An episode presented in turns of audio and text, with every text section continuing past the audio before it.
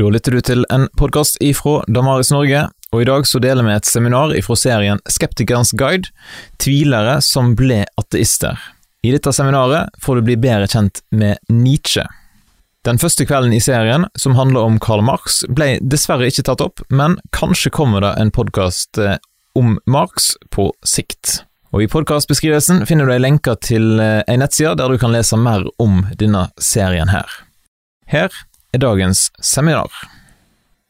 Litt grann om um, Nietzsche og Jesus. Um, for vi kunne jo tenke at uh, Nietzsche, siden han skrev boken f.eks. 'Antikrist', at han mislikte Jesus. Og det er ikke tilfellet.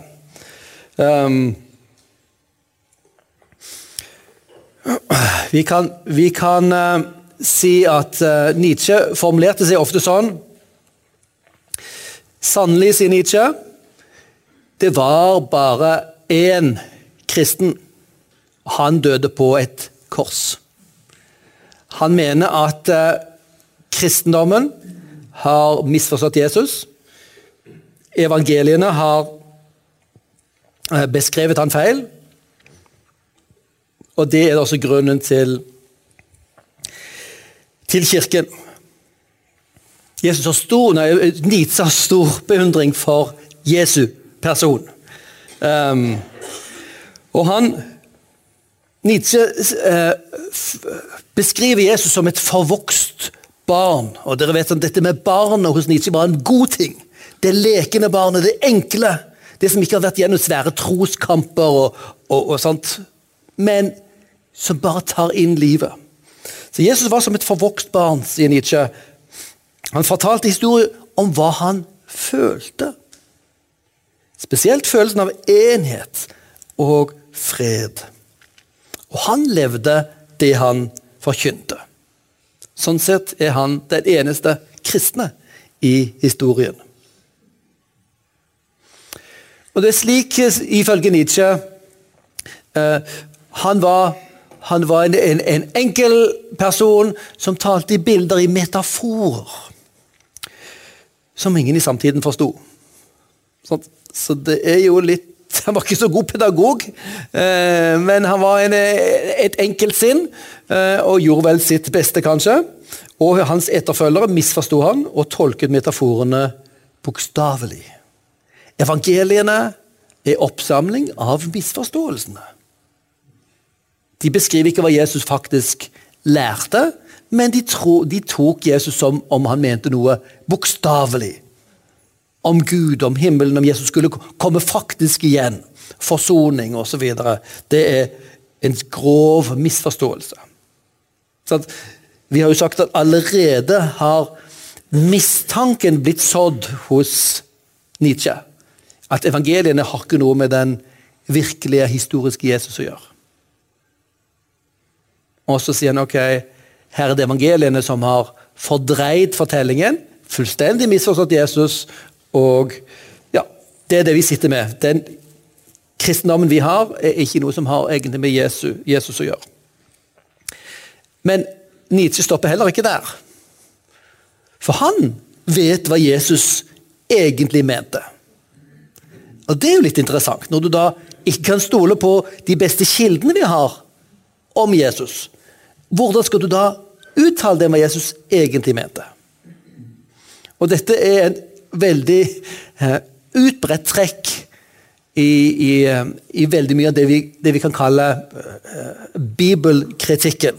Jeg, vi trenger å tenke kritisk og reflekterende i den forstand reflekterende over bibeltekster. Vi trenger forskning på den.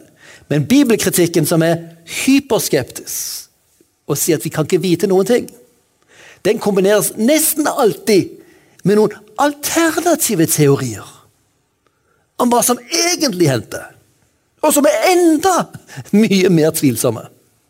Ikke sant? Og det samme dukker opp hos Nietzsche. Han er skeptisk til evangeliene, men han er ikke selvkritisk nok i forhold til sine egne tolkninger. Hør her. Han sier her om jeg forstår noe som helst av denne symbolskaperen Jesus. Det er det han mener. ja. Dette forstår jeg virkelig. Jesus. Så er det at han tok bare de indre realitetene som virkelighet, som sannheter. Og at han forstår resten, altså med naturen, tid, rom, historie å gjøre, bare som tegn, som grunnlag for metaforer. Nietzsche vet at Jesus bare snakket om de indre tingene om sine følelser. Og alt det som snakket om tid og rom og historie, det var han egentlig ikke opptatt av. Så Det er lett for oss å sitte nå i etterkant og se hvor urim, hvordan dette ikke egentlig henger sammen. Um, de gode nyhetene, altså det vi kaller evangeliet, er nettopp at det ikke er motsetninger. Guds rike tilhører barna. Det er ikke en tilkjempet tro. Den er der fra begynnelsen som en tilbakevendelse til barnlighet på det åndelige området. Husker dere dette lekende barnet som var liksom det endelige målet i den åndelige utvikling? Det barnet som bare sier ja til livet og leken som livet er. Uten å tynges av 'du skal'. Dette var det han leste inn i sin, sitt bilde av Jesus. Og så enda sterkere. Det er helt opplagt, sier han, at det som henvises til med symbol, symbolene far og sønn, altså Faderen og Sønnen Dette er ikke opplagt for enhver, det innrømmer jeg, det er bra at han sier det. Er med ordet sønn uttrykkes inngangen til følelse av forvandlingen av alle ting, altså salighet. Med ordet far selve følelsen, følelsen av fullkommenhet og evighet. Det er ikke mange andre som har kommet på akkurat den ideen, at det er det det egentlig betyr. For Nietzsche er dette plutselig ekstremt opplagt. Det er helt opplagt at det er det det må bety. Den kritiske holdningen ikke ledsager den like sterk kritisk, selvkritisk refleksjon over våre egne nye teorier, som dere ser. Himmelens rike er en tilstand i hjertet. Ikke noe som kommer til jorden, eller som er etter døden. Han var opptatt av kristendom. Han var opptatt av at den kristendommen vi kjenner til, er en fordreining av hva Jesus sto for.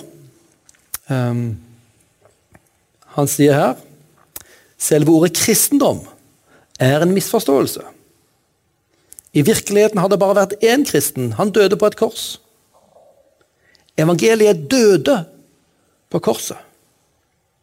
Det som ble kalt de gode nyhetene, var allerede fra dette øyeblikket og fremover det motsatte av hva han hadde levd. Dårlige nyheter.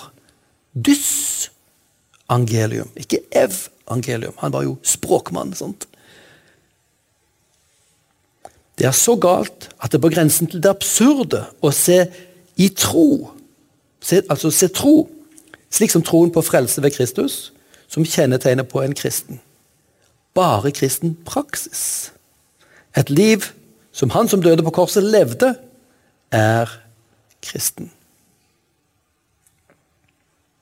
Interessant. Han har en, han har en tolkning av kristendom som, som, egentlig avslører en moderne kristendom. Vi er ikke i nærheten av hva Jesus egentlig mente. Um, og han har da forstått hva Jesus egentlig mente.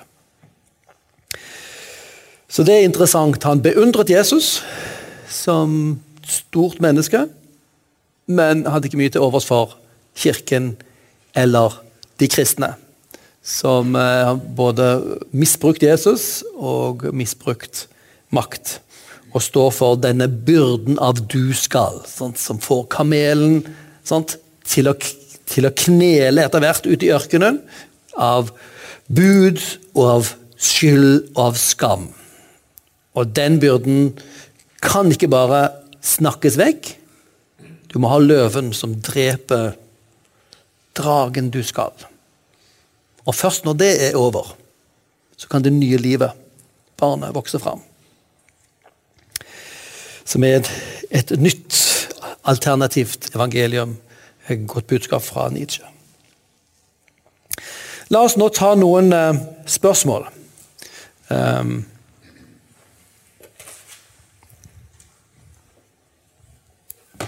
Da skriver du ned Lars. Mens uh,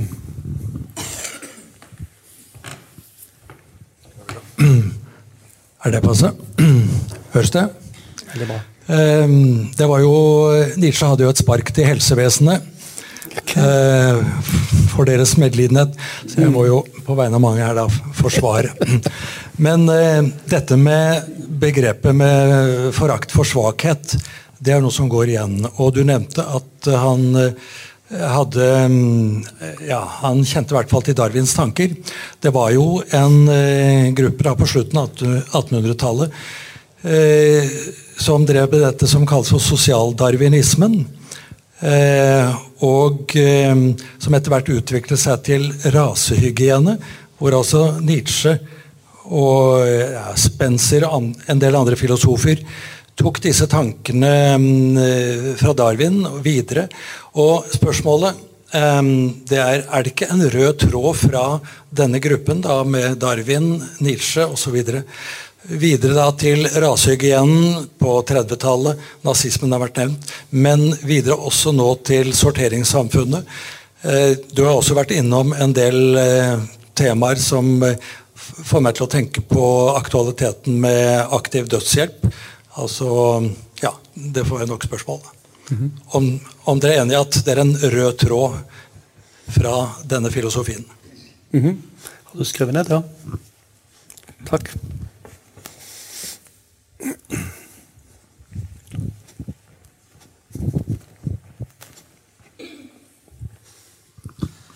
Må jeg bare beklage, men jeg kom litt seint. Så jeg bare lurte på, Har dere snakka om det utsagnet om at Gud er død? Så kan ikke jeg minnes hva han sa etterpå. Så hvis dere kan snakke litt om det. Og så et spørsmål til. det Mange jøder tror jo ikke det at det fins en gud. Men de mener det at eh, å leve på den måten som Gamle testamentet er, er den rette måten å gjøre. Er det samme tankesettet som Nietzsche har? Bra poeng.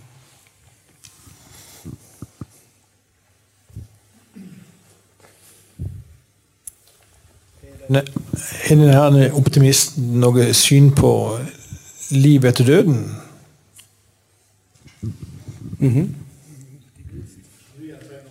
Har, har noe syn på livet etter døden?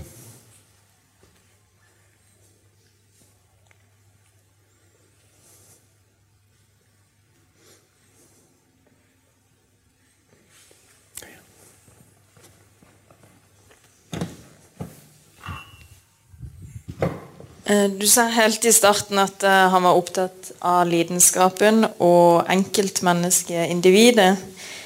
Men så var han òg kritisk mot humanismen. Så bare lurer på eh, Det henger ikke helt sammen, føler jeg. Takk. Mm, Flott.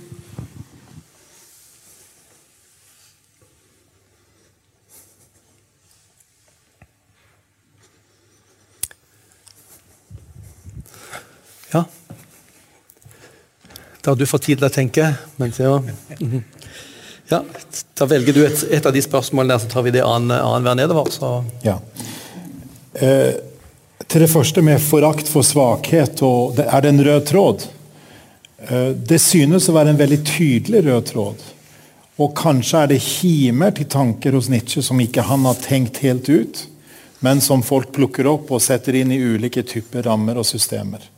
Men helt opplagt denne tanken om forakthet for svakhet er en tydelig rød tråd. Og Det er jo tankevekkende å gå tilbake til den første kristne tid også.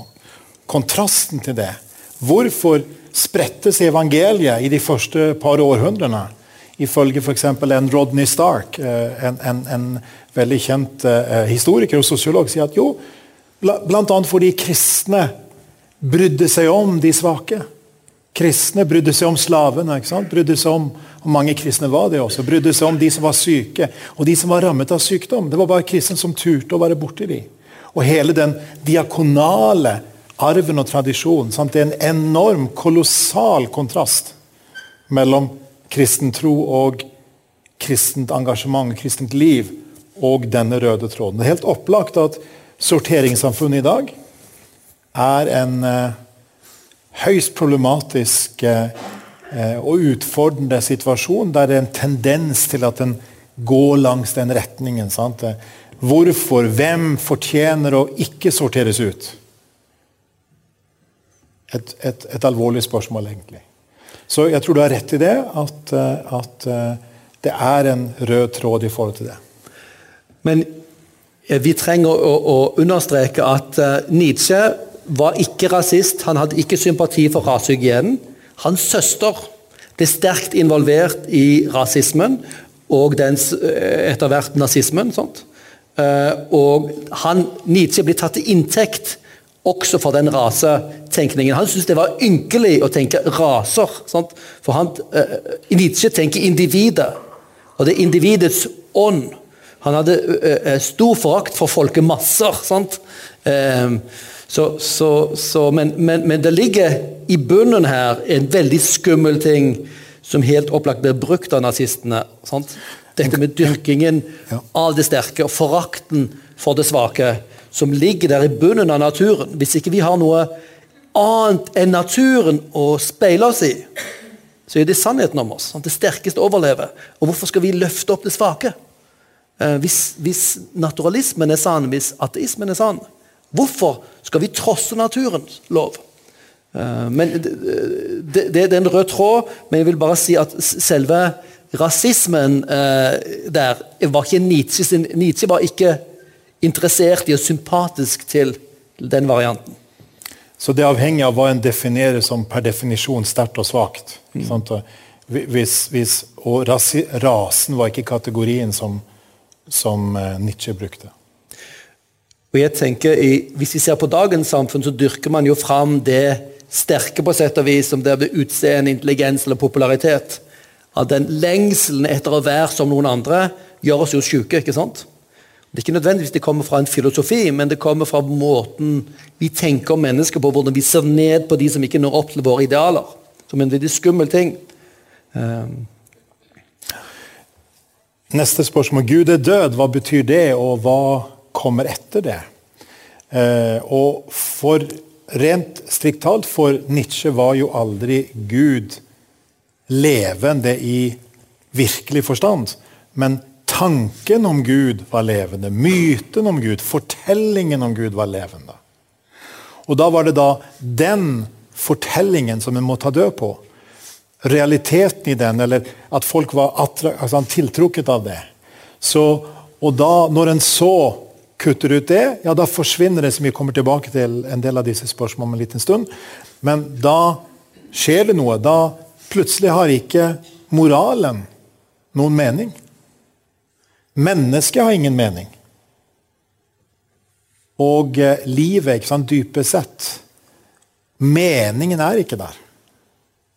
Så det er en dramatisk konsekvens, og det er derfor som en av de personene som, som vi bruker, som Bjørn eh, refererte til, som heter James Sire, sier at Nietzsche er selve nullpunktet. Det er derfor det er så dramatisk, dette her. Nietzsche er så dypt du kommer liksom, i å ta gudsfraværet på alvor, så ser vi at han da står på grensen til, sant, til, det, til det sinnssyke. ikke sant?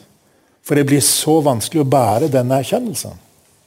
At han klarer på en måte ikke å, å gjøre det, og vandrer der ikke sant, mellom. Skal han være ærlig, ja, da trekkes han mot fortvilelsen. ikke sant? Skal han være mindre ærlig, ja, da er livet en, en smule lettere å leve. Hvis du spør etter den konkrete konteksten for utsagnet 'Gud er død', så fortsetter det sånn 'Og vi har drept ham'. Hvordan kunne vi gjøre denne største av alle gjerninger? Sånt? Drepe det hellige. For det han sier, for Gud har dødd av våre hender. Hans like råtner, vi kan kjenne stanken av han. All, vi, det er vi som fant opp Gud. Menneske, Gud har aldri funnes. Men nå har vi denne store ideen som gir mening og vekt til hele vår syn på universet. Han er nå avleggs. Moderne, sekulære mennesker opererer ikke lenger med Gud. Men de fortsetter som om ingenting har skjedd. Som om vi kan holde fast på troen på mennesket, troen på framgang, troen på det gode. Og det er det Nietzsche sier du har ingen rett til. Og Derfor er det kritikk av humanismen. Humanismen, eh, Det sekulære humanismen unnskyld, som Humanisk Forbund er representant for. De sier på den ene siden er tilværelsen kun natur og materie. Men mennesket Ja, i bunn og grunn dyr, men vi er i stand til å skape verdier, skape mening. Og dermed har mennesket på sett og vis den meningen vi skaper, vi gir. Vi må da hjelpe mennesker til å få skape mening i sine liv. Og så tror man på menneskeverdet og det gode osv. Og, så og det Nietzsche sier nei, det, hvorfor det gode? Så var også et spørsmål kan vi trekke linjene til sekulære jøder som ikke tror at Gud eksisterer, men som ønsker å leve i pakt med, med lovene, f.eks. i Gammeltestamentet. Og Vi kan jo egentlig trekke linjen enda lenger til kan det også sammenlignes med kristne, eller folk i en kristen tradisjon, som er navnekristne, sant? eller nominelt kristne, og som ikke tror personlig, men som har en slags tanke om at den kristne eh, moralen f.eks. er der. Hva med det, Bjørn? Det, det der Nietzsche er den, er den, som angriper sterkest. Sier at okay, hvis, hvis, du parkerer Gud, så har ikke du rett til noen av de tingene som henger fast, som kommer fra Gud. Det er tanken om menneskeverd, tanken om mening, at det finnes mening i universet. Den kommer fra tanken til en Gud som har gitt det mening. Du har ikke rett til tanke på menneskeverd eller mening eller moral. Fordi alle forankret ideen om Gud intellektuelt sett. Så de er nødt, det er vi nødt til å, å, å, forkaste, sier han.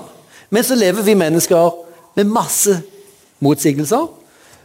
Men når du begynner å tenke igjennom hvorfor gjør jeg dette, her, sånt? når det begynner å ikke bli så attraktivt å tilhøre en menighet, eller sånt, så glir vi vekk. Sånt. Så lenge vi finner, ser noen fordeler av det, så, så, så stjeler vi av den arven som vi har fått. Men Nietzsche vil at vi skal være konsekvente her.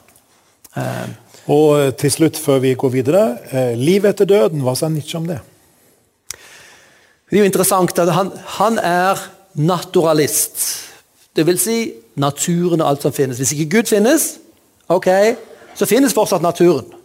Og det er alt som finnes. Det finnes ikke ånd og sjel dypet sett. Du kan bruke det som metaforer, men det finnes ikke. Dermed finnes ikke liv etter døden. Og han mener tanken om liv etter døden er et feigt bedrag. For det første er det bedrag, for det finnes ikke. Når du er død, så er du død. Det mener alle naturalister. For det andre er det feigt fordi det er en flukt fra det virkelige livet. Istedenfor, for å nyte og leve livet her, så sitter du bare og venter på, på framtiden. Det var også Marx sin kritikk av hvordan religionen temmer menneskers uh, vilje til revolusjon. Um, så, så, så, Nietzsche mener at når du er død, så er du død. Men så det er interessant med denne evige gjentagelsen. Sant? Du kommer til å eksistere akkurat sånn som du er i dette øyeblikk. Uendelig mange ganger. Sant? Og kommer til å høre akkurat dette foredraget uendelig mange ganger. Men du vil aldri vite om det. Sant? Heldigvis. For da kommer du igjen. Men, men, dette, for moderne mennesker er, er, er, det er noe helt annet enn sjelevandringslæren. Sant? For der er det utviklingen av mennesker fram mot saligheten. I denne, som Nietzsche står for, er den konsekvente sirkelen hvor absolutt alt gjentas på absolutt akkurat samme måte, og som er forferdelig depressiv. Du kan si Han trodde på strengt tatt på evig liv, da, sånn evig gjentagelse. Men det var ikke noen lystelig tanke. Og Det er kun de aller, aller sterkeste som kan tåle den mentalt. Da går vi videre til eh, noen minutter og skal prøve å holde oss eh, til, til å avrunde til klokka ni. Ehm, hva kan vi si da, hvis vi skal prøve å spørre Dette er jo et veldig mørkt bilde, og et bilde som man kan lure på. Fins det noe her vi kan bekrefte i hele tatt? Er det noe her som vi som kristne sant, kan si at dette ja, her var det noe å ta videre, noe å lære positivt av. Og øh, Vi mener det. Og, og, noe er direkte, og noe er indirekte. Det første er jo da at øh, som kristne er Eller den kristne er kalt til å ta livsfølelsen til sin neste på alvor. Det er et veldig fint uttrykk, egentlig. Livsfølelse ikke sant? Hvordan, og det kan jo skifte hos oss, ikke sant? om vi ser positivt eller negativt. Om vårt glimt av det positive eller glimt av det negative. ikke sant? Hvordan er livsfølelsen vår? Eh, den kan jo skifte. Noen mennesker har av naturen et lysere eller et mørkere leie ikke sant, i forhold til det. Men her møter vi da en person som, som simpelthen har et veldig mørkt perspektiv på livet. Og Hvis vi tar på alvor det vi har snakket om nå i, i forhold til de spørsmål som kom frem, at ok, hvis Gud er død, fører til at mennesket er død, moralen er død, meningen er død, så er jo det en livsfølelse som er bygget på ateisme, naturalisme. Og det å leve seg inn i dette, det er viktig. Eh, og det finnes I, høst var vi inne på en, en kristen apologet, trosforsvarer som er veldig kjent, som heter Francis Schaefer. Han var kjent for å ta livsfølelsen til de han møtte personlig, på alvor. Og det tror jeg vi er kalt til å gjøre. Ikke bare i en sjelesorgsituasjon, ikke sant? I en, men i en samtale. Eh, når vi møter andre mennesker, ha en innlevelse. Hvordan oppleves virkeligheten fra et annet perspektiv? Også en annen indirekte sak her. Eh, at Nietzsche så betydningen av perspektiver. Han så betydningen av gudstro eller ikke gudstro. ikke sant? Hva er betydningen av gudstro eller av det motsatte, naturalisme? Så han, han sa ikke at alt var likt. Han turte å se forskjellen på ting. Og Noen ganger kan det bli veldig grått, veldig eh, Skal vi si veldig eh, eh, Likegyldig, nesten. ikke sant? Eh, noen har sagt at hvis alt er likegyldig, så er det veldig likegyldig. ikke sant? Eh, og det er noe med det at vi trenger å se forskjellene.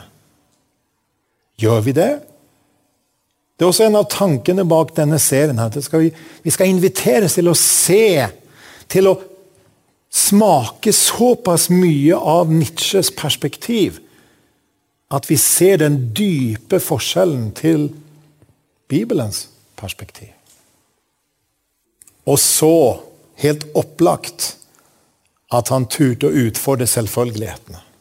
F.eks. den selvfølgelighet at ja, vi kan fortsette med moralen om vi, selv om vi kutter ut gudstroen. ikke sant? Det er populært også i våre dager, er det ikke det? At en, en, en liksom det, Du kan kjøpe en liten del av en pakke, men du trenger ikke hele pakken. Um, det er veldig mange selvfølgeligheter rundt forbi. Vi kan kanskje merke det i eget liv òg. Og hvordan møter vi det? Tør vi å utfordre de hos oss selv og hos andre? Tankevekkende, og i grunn litt oppmuntrende at det går an å gjøre det. Og så ikke minst våge å tenke konsekvenser av livssyn. Da er vi ikke bare indirekte, men direkte inn på det han gjorde. Han tenkte konsekvenser av naturalismen, av, av fravær av Gud, og tenkte det til punktum. Tenkte det så langt at han vandret sant, på, på, på grensen til og over grensen til vanvidde. Våge å være selvkritiske som kristne.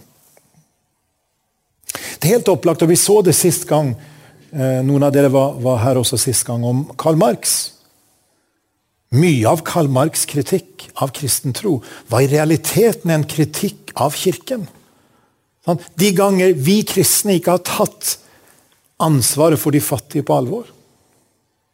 Og En kan spørre seg hva i kritikken som Nietzsche har av, av kristen tro, er egentlig en kritikk av kristne? Vi må i hvert fall ikke være redd for å være selvkritiske. Det betyr ikke at vi skal akseptere enhver kritikk som kommer mot Kirken. Det må være redelig og må være saksvarende, men at ikke vi tviholder på det. Så Nietzsche har en ærlighet over seg som er tiltrekkende. Det er en eh, Han tør å sette ord på mange av det som folk kun tør gå halvveis. Men treng, Vi trenger nesten ikke kanskje gå videre, for det har vi jo snakket litt om. men her, her er det eh, spenningspunktene. Er det virkelig så enkelt å kvitte seg med å si at Gud er bare en myte? Er det så enkelt å tenke at Gud er bare fortellingen om Gud, eller myten om Gud? Nei, det er ikke så enkelt. Ikke minst i dag vet vi det. Det var for så vidt tilfellet da òg, men de siste tiårene så har, har en rekke kristne filosofer, tenkere, forfattere, vist hvor stor tyngde det er i å hevde at Gud finnes. Og mobilisert argumenter for det. Noen gamle, noen nye. Og Vi har ikke tid til å gå inn på det nå, men det er faktisk veldig, veldig interessant. Med andre ord bare utsagnet 'Gud er død', eller 'vi har tatt død på Gud', er et utsagn som er høyst problematisk. Fordi i ene vektskålen har vi da Nietzsches påstand. ikke sant? I andre vektskålen ligger argumentene for at Gud finnes. Argumentene kan være det kosmologiske argumentet, bare for å nevne det helt kort. Alt som begynner å eksistere, har en årsak. Universet begynte å eksistere. Derfor har, Gud en, derfor har også universet en årsak. Og den årsaken må være større enn universet. Altså gjerne noe vi kaller Gud. Et argument som diskuteres i fagfilosofi og i kosmologi og i teologi. og Et argument med tyngde. Eller fininnstillingsargument. At hele planeten vår, universet, er fininnstilt på en masse, masse ulike eh, parametere. Ulike innstillinger. Vi er akkurat så langt fra solen og så langt fra månen her på jorda. ikke sant, eksempel. Endre bare litt på det ene. Eller tyngdekraften, eller, eller gravitasjonskraften, eller hva vi måtte sant, gå inn på. Alle disse. Er alt det tilfeldig? Eller er det sånn at det gir best mening å tro på at det var en skaper som ga det?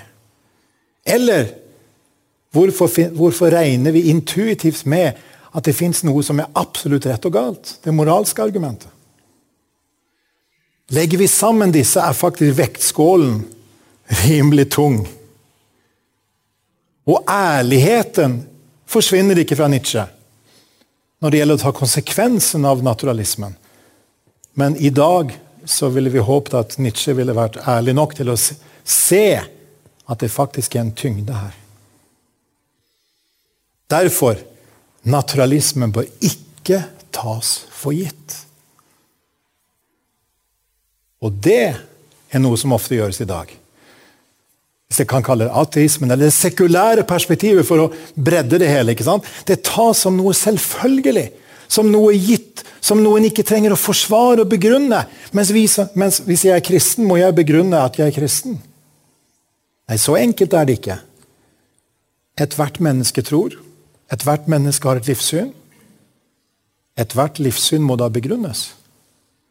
Ikke bare det religiøse, det kristne, men ethvert.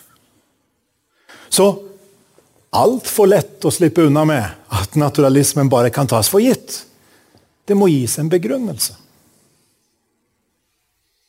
Og Vi nevnte før pausen pause at historisk forskning er sentralt her. At det at Nietzsche møtte den historisk hyperskeptiske historiske forskningen om evangeliene, førte han inn i tvilen på var det virkelig Jesus vi leste om. Var det den historiske Jesus som evangeliene fortalte om?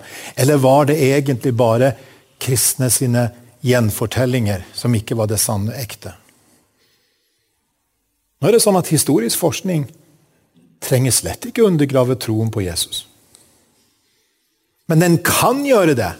Og hva må være på plass for ikke, at det ikke skal undergrave? Ja, En av de tingene som må være på plass, er at det må være åpenhet om de brillene en tar med seg til tekstene. Hvis en tar med seg naturalistiske briller, sånn at alt er bare natur, og spør om under er mulig Det er klart ikke under er mulig hvis en på forhånd har utelukket muligheten for under. Ikke sant? Men hvis en spør har det skjedd eller ikke skjedd, og ikke lar det overstyre de perspektivene vi har. Da blir det noe helt annet. Veldig ofte den hyperskeptiske forskningen, det vi ikke ofte kaller tradisjonelt den bibelkritiske forskningen, sant? den bygger på dypt sekulære forutsetninger. Og da må de opp i dagen. Så kan deler av den forskningen være verdifull, absolutt. Men helhetsbildet som tegnes, er ikke i samsvar med forskningens objekt. Sant? Med det en ser på, nemlig åpenheten for Er det mulig at Gud finnes? Det er interessant, En av de som virkelig har skrevet om dette, heter Richard Swinburne. En, eh, ikke akkurat kjent for sine lettilgjengelige bøker, men en, en Oxford-teolog. Forfatter. Han har også skrevet om Jesus og, og Nytestamentet. Og I en av de bøkene så utfordrer han hele forskningsetablissementet innenfor teologi og sier at dere tar ikke filosofien på alvor.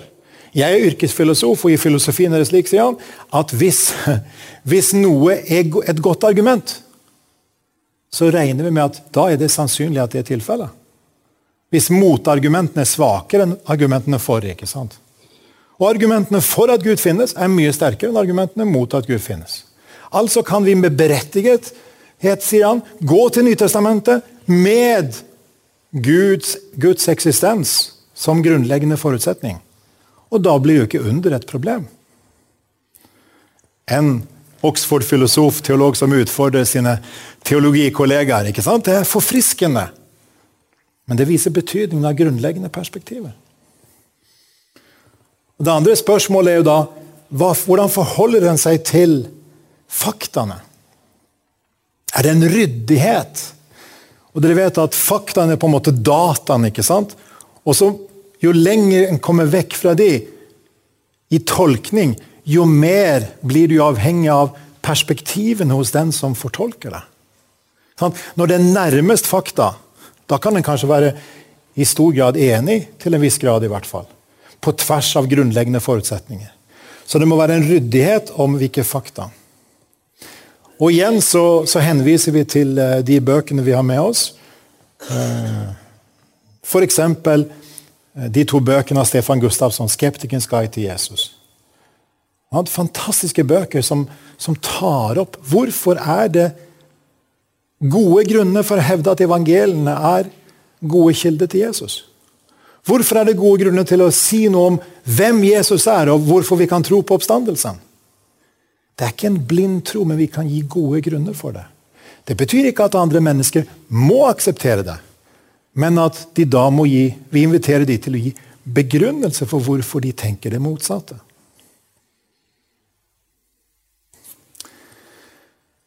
Og så videre. Naturalismen er ikke mulig å leve ut. Spenningspunktet her er jo at Nietzsche tok jo naturalismen til sin ytterste konsekvens. ikke sant? Så Hvis Gud er død og alt er materie i natur, ja, så er det ingen mening heller med mennesket, som vi har sagt. Ingen mening med moralen, ingen mening med meningen, med livet. Men alt er egentlig dødt. Alt er borte. Det er bare menneskets egentlig vilje til makt. Det er det som er bestående igjen. Viljen til makt. Og nå er det sånn at For å, for å si det en liten interessant parentes her. Vilje til makt det dukker opp hos noen franske filosofer. Såkalte postmoderne filosofer som sier at, at eh, makt er et veldig viktig begrep. Og de har helt opplagt plukket det opp hos Nietzsche. Og En av de interessante refleksjonene en kan gjøre om dagens samfunnsdebatt, f.eks. når kommentatorer i mediene skal snakke om politikk, sant, om ulike politiske partier, er at det veldig ofte bare er kampperspektivet. Og ja, de gjør det for å vinne velgere. Sant? De gjør det, Selvfølgelig alle partier ønsker å vinne velgere.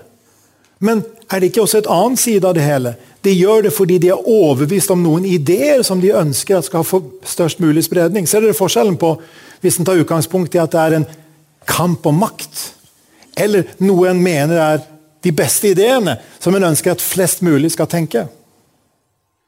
Så vilje til makt som perspektiv er et av de vanligste perspektivene rundt forbi i samfunnet vårt når vi, når vi, eh, når vi tenker dette. Kan vi komme tilbake helt til slutt med noen, noen tanker? Så naturalismen er ulevelig. Nei, vi kan ikke oppgi mening, moral og menneske. Da havner vi, enten vi vil eller ikke, i det, det som ikke går an å leve i. Når Nietzsche havnet og var på grensen til og over grensen til det sinnssyke, var ikke det tilfeldig fordi han da ikke hadde noe fundament for livet. Å kaste vekk fundament for livet er utrolig tankevekkende. Og vi ønsker å avrunde med Salme 1. Salme 1 er det totalt motsatte perspektivet av Nietzsche. Det er et perspektiv der vi hører om at salig er den som ikke følger lovløses råd. Ikke går på synderes vei og ikke sitter i spotteres sete. Men har sin glede i Herrens lov. Altså ikke følelsen av kamelen. ikke sant? Det er ikke byrdene som tynger, men det er gleden i det Gud har gitt oss. Gleden i at Gud har gitt oss hele sitt ord, sier salmisten her. En glede i ordet fra Herren, som betyr at det fins en livsglede. Og den livsgleden er knyttet til Skaperen og til hans vilje for vårt liv og hva han har gjort for å etablere frelse for oss. Så fortsetter salmisten, som grunner på hans lov dag og natt. Han er lik et tre plantet ved rennende vann. Altså, Det er stadig nytt liv, ikke sant? Det er stadig nytt liv. Grønt, det frodes. Det er ikke døden, men det er livet som er helt sentralt i kristen tro. Riktignok måtte Jesus dø for at livet skulle stå frem i all sin prakt. Det måtte et offer til. Men tanken om at det er liv, det er så utrolig grunnleggende. Og Så fortsetter det med det gir frukt i rett tid. Sånn løvet visner ikke. Det er noe evig ved det. Og i den, den, som lever da i, i der med gleden i Herrens lov og ikke og, og likte treplantet ved rennende bekker, har en vei gjennom livet som gjør at til syvende og sist så når en frem til livets mening. Det motsatte er agner som spres for vinden. Ingen skyldig kan bli stående i dommen, ingen synder i flokken av rettferdige. For Herren kjenner veien de rettferdige går, men de urettferdiges vei fører vill. Her er det altså salmisten som det første salmen sant, i, i, Salmenes bok, som gir oss grunnlaget for på en måte veien inn i hele Salmenes bok. Her snakker vi om Skaperen som har gitt oss sitt ord. Skaperen som har åpnet en vei til livet. Til å leve i livet. Til å leve for andre. Og da blir ikke det et forakt for de svake. Men det blir en tjeneste også for de svake. Fordi Gud har tjent oss. Så kunne vi vandret videre til mange andre bibeltekster. Men dette med å ha sin glede i Herrens lov er så totalt forskjellig fra bildet av loven, budene, som noe som tynger kamelen. ikke sant? Dere skjønner bildet og sammenligningen. Bibelens motsatte perspektiv, så tar vi med oss at Nietzsche utfordrer oss i sin ærlighet. Nietzsche utfordrer oss til å tørre å se konsekvensene av å forlate Guds tro. Nietzsche utfordrer oss til å ta livssyn og livsfølelse på alvor. og til å ha et mykt hjerte i møte med andre mennesker som kanskje ser livet mørkt. Og samtidig så ser vi at når vi går tilbake til det vi gikk igjennom om hvordan utfordringen er i møte med spenningspunkt i møte med, med Nietzsche, så ser vi at nei, det er ikke enkelt å kvitte seg med Gud. Skal vi være ærlige, så veier den vektskålen mye, mye tyngre enn det Nietzsche la i den vektskålen. Og i tillegg en kan ikke gjøre seg så fort ferdig med Det nye testamentet som Nietzsche gjorde. Og videre Tenk om det var slik at det var forakt for de svake som var livsidealet. Og vi har allerede berørt det. ikke sant? Fordi vår helsetjeneste, sant? Vår, vår helse- og syke, sykehusvesen osv. er dypt, dypt forankret i den kristne kulturarv og den kristne tradisjon og tanke. Og takk og lov for det, at det ikke er forakt for de svake som styrer, men det er rettferdigheten, mildheten, tjenesten, empatien. Så Derfor trenger vi å ha empati med noen som Nietzsche, uten at vi trenger å akseptere eller kjøpe hele pakken. Kanskje kan vi ta med oss det, at vi er åpne for andre mennesker. Lytter inn enten de ser lyst eller mørkt på livet. Og samtidig tar et steg tilbake og spør hva fører tankene til? Men det var et spørsmål her. Det var dette med, altså Han har ikke sans for massene, men han har sans for enkeltmennesket. Men så er det noe som brytes i meg. Skjønner Nietzsche at denne massen består av enkeltmennesker hele veien. Så tar du tak i et enkeltmenneske, så opplever du at du får gjenklang, du får en påvirkning. Vi har et samfunn i dag som vi har veldig mye selvmedlidelse i det norske samfunnet. Jeg er en del av det, og er sammen veldig mye med ungdom som er selvlidende, eller medlidende. Men Nietzsche er jo også medlider i forhold til sin familie, søster og far.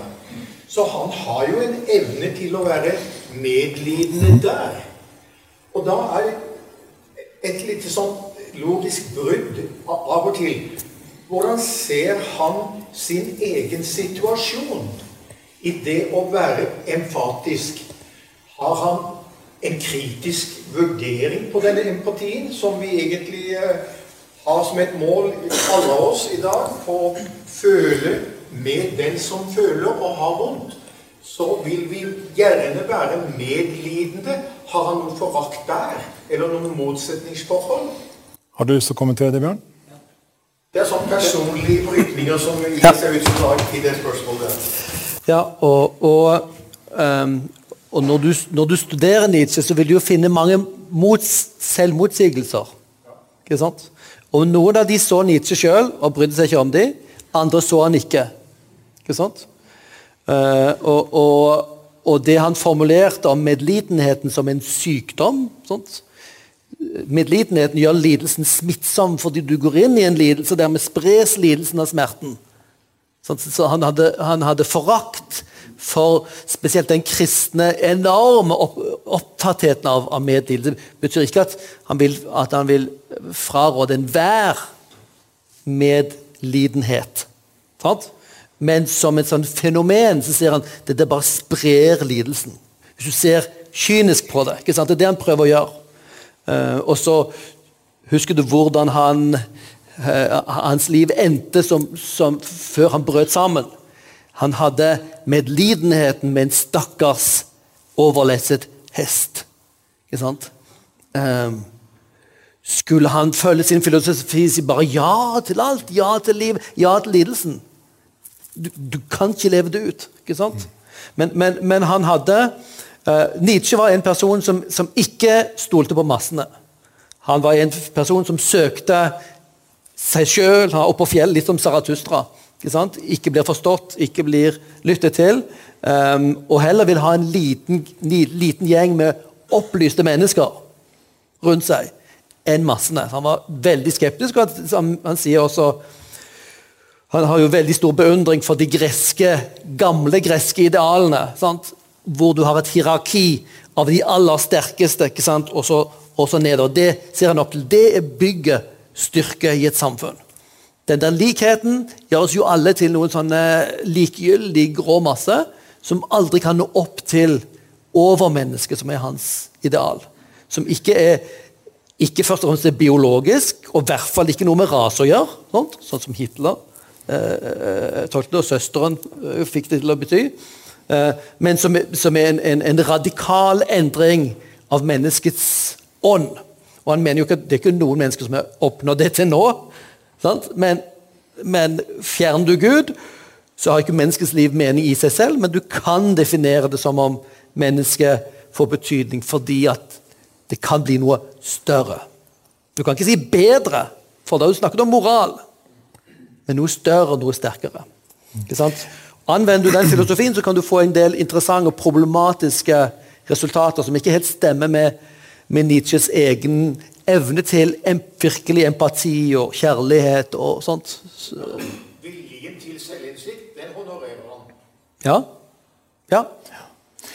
Og kanskje bare avrunde, for nå tror jeg vi skal avrunde, men takk for et veldig godt uh, spørsmål. Vi, uh, igjen for å sitere Francis Schaeffer, som sa det at ateister sier, sier noe om virkeligheten. Men de kan ikke leve ut det de sier, konsekvent, fordi virkeligheten er ikke sånn. Og Da vil det en eller annen plass være et, et konfliktpunkt, et spenningspunkt i møte med virkeligheten, med hva en sier om virkeligheten, og hvordan virkeligheten er. Og for Eksempelet med hesten her, ikke sant? er et punkt der jeg tror Schaefer ville sagt der møter vi hans åpenhet for at han har kanskje allikevel ikke hel, oppdaga hele sannheten. ikke sant? At det, det, er på en måte et sted der han viser sin sårbarhet eh, som menneske, på tross av sine tanker, som egentlig konsekvent, som Bjørn sa, så skulle ikke han hatt den medfølelsen i møte med hesten. ikke sant? det, det, det, var galt for han egentlig ut fra sitt utgangspunkt. Men medfølelsen er sterkere hos han enn hans naturalisme. Og Det er jo interessant i seg selv. Så, og Vi som kristne vil vi si at Gud har lagt ned evnen til empati i oss. Jeg vil si det som kristen. At Gud har gitt en gave i empatien. Den, den skal ikke ta overalt, men den er veldig viktig. Og, og Da trenger den å informeres og orienteres ut fra det som vi leste i Salme 1 her. Og kanskje det passer å avrunde med det, at uh, Salme 1 sier vi kan ha vår glede i Herrens lov. Mm. Takk for i kveld. Takk for i kveld.